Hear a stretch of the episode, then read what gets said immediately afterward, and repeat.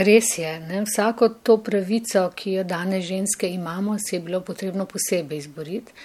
In običajno je prišlo do tega mnogo kasneje, kot so jih dobili moški. Običajno je to potekalo po več korakih. Najprej je dobila ena privilegirana skupina moških, potem še kakšna druga privilegirana skupina moških, potem vsi polnoletni moški, recimo.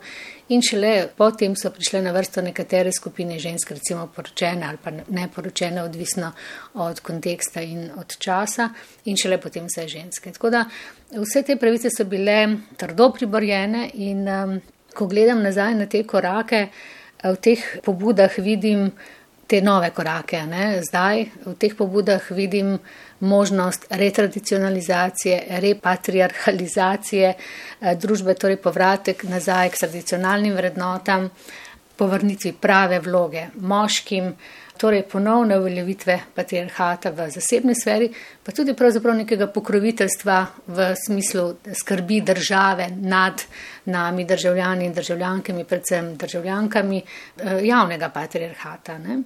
V tem tudi vidim dokaz, da razvoj človeških družb ni linearen in da se ta razvoj lahko v katerikoli točki ustavi, se pomakne nazaj. In ti usodni koraki nazaj v preteklost eh, niso dobri. To ni dobro ne za posameznice in posameznike, ne za celotno družbo. Zelo aktualna je zdaj ta pravica odločati o rojstvu svojih otrok. To je tudi pravica, ki je zapisana v naši ustavi. Ampak, če pogledamo širše, niso te pravice dejansko tudi nek dosežek neke civilizacije, neke sodobne Evrope, sodobne države. Naj najprej uh, se odzovem na to, kar ste rekli, da imamo to pravico zapisano v ustavo. Rekla bi, hvala Bogu, da jo imamo zapisano v ustavi, kajti to pomeni, da je ni mogoče kar tako ukiniti, oduzeti. Kajti za vsako ustavno spremembo je potrebno dve, imeti dve tretjine poslancev in poslank zade za to odločitev, kar ni enostavno dobiti, kar pomeni, da mora biti močen družbeni uh, konsens pri tem prisoten. V 55. členu ustave piše, bom poskusila citirati, odločanje o rojstvih otrok je svobodno. To je prvi stavek, drugi pa pravi, država zagotavlja možnosti za resničevanje te svoboščine in ustvarja razmere, ki omogočajo staršem, da se odločajo za rojstvo svojih otrok. To je zelo pomembno. Oba stavka sta izjemno pomembna. Podala bi pa tega drugega še posebej, torej država je dolžna ustvarjati pogoje svobode. Mislim, da se to premalo podarja. To se zelo pozablja, da gre za svobodo, da se nekdo odloči za rojstvo in tudi svobode, da se nekdo odloči, da prekine nosečnost, če za to ne vidi dobrih možnosti za donositev. In to je civilizacijski dosežek. To se mi zdi, da je potrebno podariti, da nikogar ne silimo niti v eno, niti v drugo stran. Da jim puščamo svobodno odločitev, da jih smatramo za odrasle, državljane in državljanke, torej, da sami znajo presoditi, ne pa da nekdo drug presoja na mesto njih. Torej, gre za njeno, predvsem pri ženskah, ne pri tej eh, pravici, gre za pravico ženske, eh, za njeno osebno svobodo, za odločanje o njenem telesu. Ne. Zakaj? Zato, ker so ženske prej in tudi kasneje bodo, če bo abortus prepovedana. Ne? Nekatere bodo pač prisiljene narediti abortus. Ampak kakšen abortus bo to? To bo abortus, ker bo tveganje za preživetje veliko večje, ker bodo ženske umirale zaradi eh, nekvalitetno, nestrokovno upravljenih abortusov in ne, nevarnost se bo uh, na tej strani povečala. A si to želimo? Najverjetneje ne.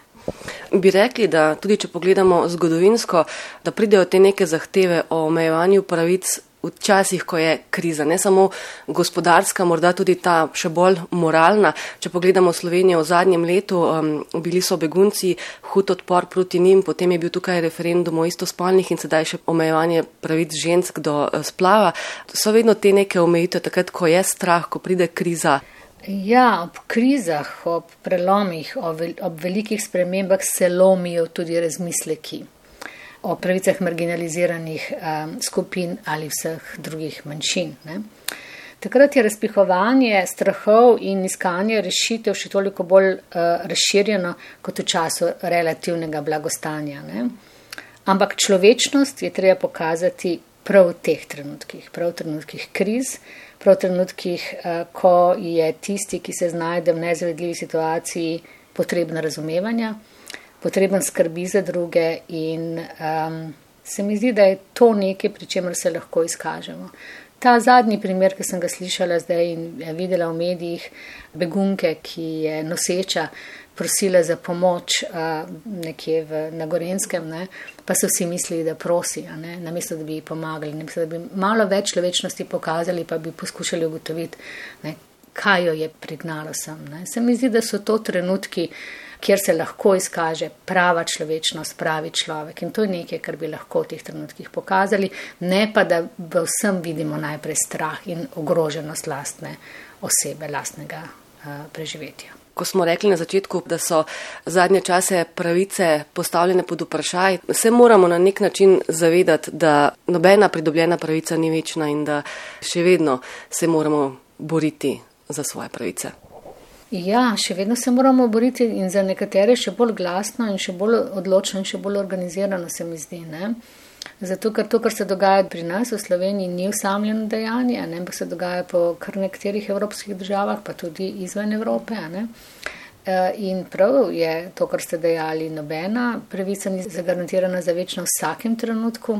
Se lahko zgodi, da jo kdo postavi pod vprašaj in um, najverjetneje uh, se bomo morali še bolj organizirati.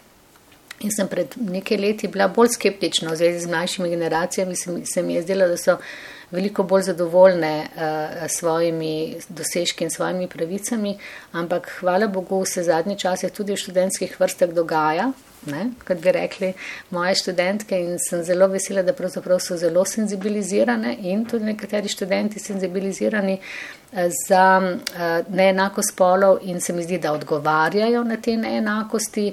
In to me nekako navdaja z mislijo, da nismo tako globoko zabredli in da je še upanje, da se bodo ponovile ne vem, demonstracije, kakršne smo imeli recimo ob sprejemanju zadnje ustave, ko so poskušali črtati 55. člen ustave.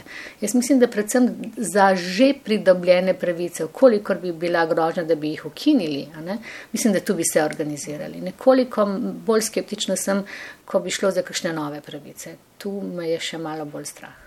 No, če omenimo Polsko, ko je pred kratkim proti popolni prepovedi splava protestiralo, če se ne motim, neki šest milijonov žensk, mislite, da bi se lahko kaj podobnega zgodilo v Sloveniji, um, bi šle na ulico?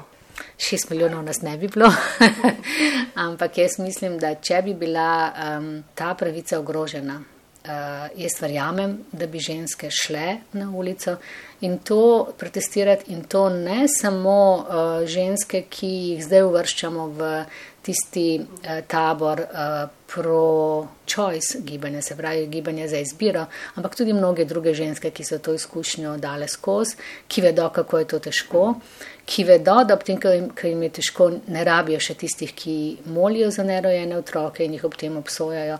Jaz mislim, da gre res za civilizacijsko pravico. In glede na to, da podatki kažejo, da se k umetni prekinitvi nosečnosti zatekajo predvsem ženske, torej ne najmlajše, ampak ženske v neki srednji starosti, ženske, ki imajo morda že kak porod za seboj, ki živijo družinsko življenje, ne, da gre za en resen razmislek. In mislim, da je prav, da se jim to pusti in da se jim to ne ukinja. Mislim, da prav ta kategorija žensk, torej ne, zrele ženske v srednjem obdobju vedo, ne, zakaj tukaj gre in mislim, da bi predvsem te iz vseh, uh, iz celotnega kontinuuma ideološkega torej prišle in podprle to pravico. Ko govorimo o pravicah in soboščinah, ki so konec koncev tudi zapisane, pa vemo, da se kršijo, papir prenese več kot potem mogoče družba.